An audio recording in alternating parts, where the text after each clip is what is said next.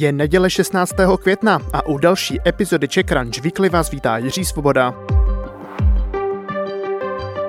V tomto podcastu mluvíme o tom nejzásadnějším ze světa biznisu, lifestylu a technologií za poslední týden. Více o všech tématech také na webu ccweekly.cz. Dnes se dozvíte třeba o novém vývoji v zásilkovně, investici do řešení na digitální účetnictví nebo o tom, jak se stal Dogecoin kryptoměnovým fenoménem. Ještě předtím zmíním naší konferenci Czech Crunch Online. Na té poslední jsme se věnovali biznisům, které necílí jen na zisk, ale i udržitelnost. Jedním z řečníků byl i Cyril Klepek z digitálního odpadového tržiště Circle. Říká, že odpad má hodnotu a firmy jeho prodejem mohou ušetřit až 45% nákladů. Záznam konference si můžete pustit na YouTubeovém kanálu Czech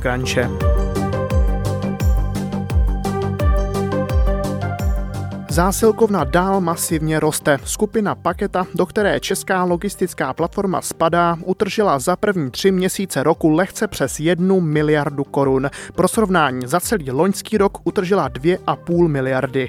Letos cílí už na 70 milionů přepravených zásilek. Zaměřit se chce mimo jiné na rozšiřování sítě svých výdejních boxů. Postaví je ve stovkách malých obcí. Karin Fuentesová získává 23,5 milionu korun na svůj startup Digitu. Tuzemské fondy Kaya Ventures a Nation One tak investovali do služby, která si jako hlavní misi klade digitalizaci účetnictví. Zakladatelka startupu tvrdí, že v době, kdy Elon Musk plánuje kolonii na Marsu, je nesmysl, aby účty stále byly na papíře.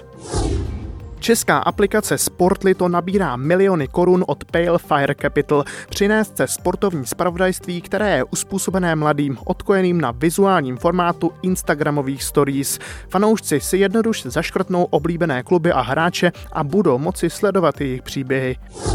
Kara přežije.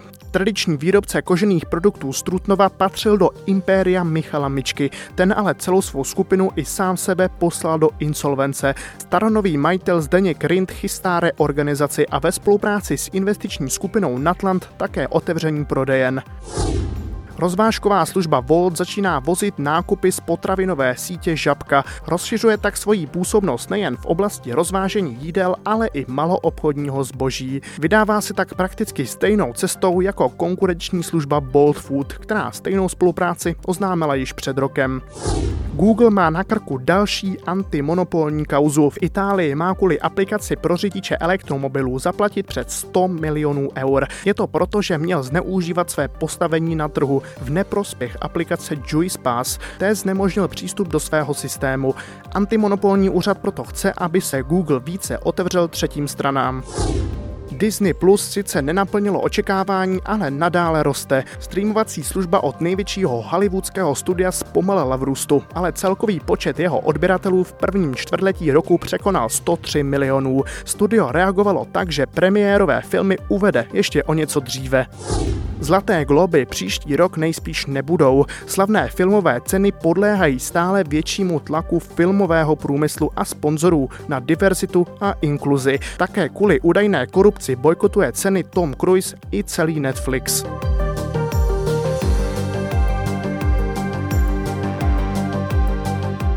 Vybíráme taky téma, které hýbalo světem kryptoměn. Dogecoin. To, co se s tímto tokenem za poslední týdny děje, se vymyká všem investičním standardům. Kryptoměna vznikla v roce 2013 jako pouhý vtip. Od slavného internetového psa ostatně pochází i jeho název. Jenže teď je jeho tržní kapitalizace neuvěřitelných 65 miliard dolarů, což mě dělá čtvrtou až pátou nejhodnotnější kryptoměnu světa. Hledat za tímto fenoménem logické důvody je trochu složitější. Osvětluje je analytik společnosti XTB Tomáš Vranka. Dogecoin na nárast jeho ceny je iba potvrdením toho, o čom sa hovorí už dlho, a tým je prebytok voľného rizikového kapitálu na trhoch.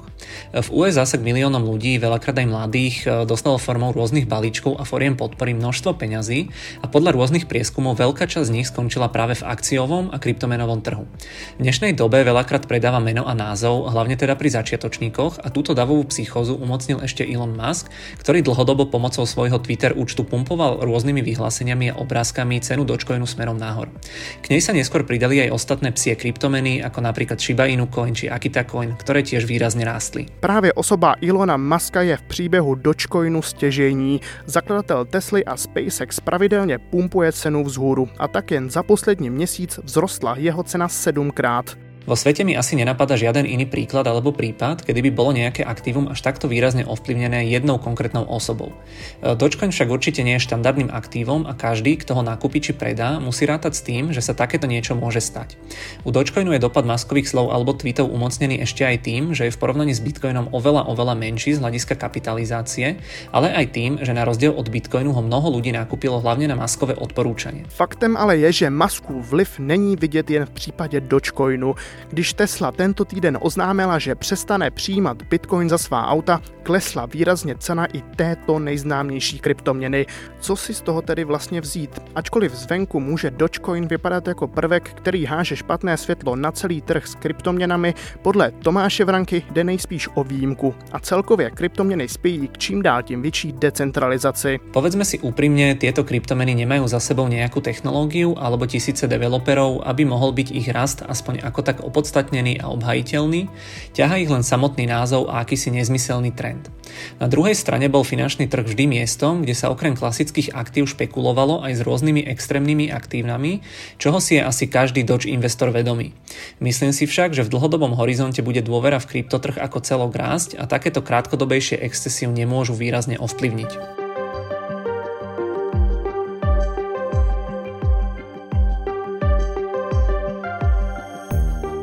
Iva Brejlová zpracovala příběh českého nakladatelství Grada. Slaví 30 let a navzdory omezením zvýšila loni své tržby na 245 milionů korun. Tomáš Chlebek podrobně rozebral příběh firmy Basecamp. Ta před nedávnem byla centrem kontroverzí kvůli tomu, že svým zaměstnancům v práci zakázala politické diskuze. Třetina lidí pak odešla. A přečtěte si také příběh fyzioložky Julie Dobrovolné. Brněnská profesorka říká, že bez stresu nejde žít, ale ten pandemický už trvá příliš příliš dlouho. To byl dnešní přehled Czech Crunch Weekly. O všech zmíněných tématech si přečtěte více na ccweekly.cz. Ještě jednou ccweekly.cz, tam je náš kompletní newsletter i s dalšími tématy. Pěknou neděli i start do nového týdne přeje Jiří Svoboda.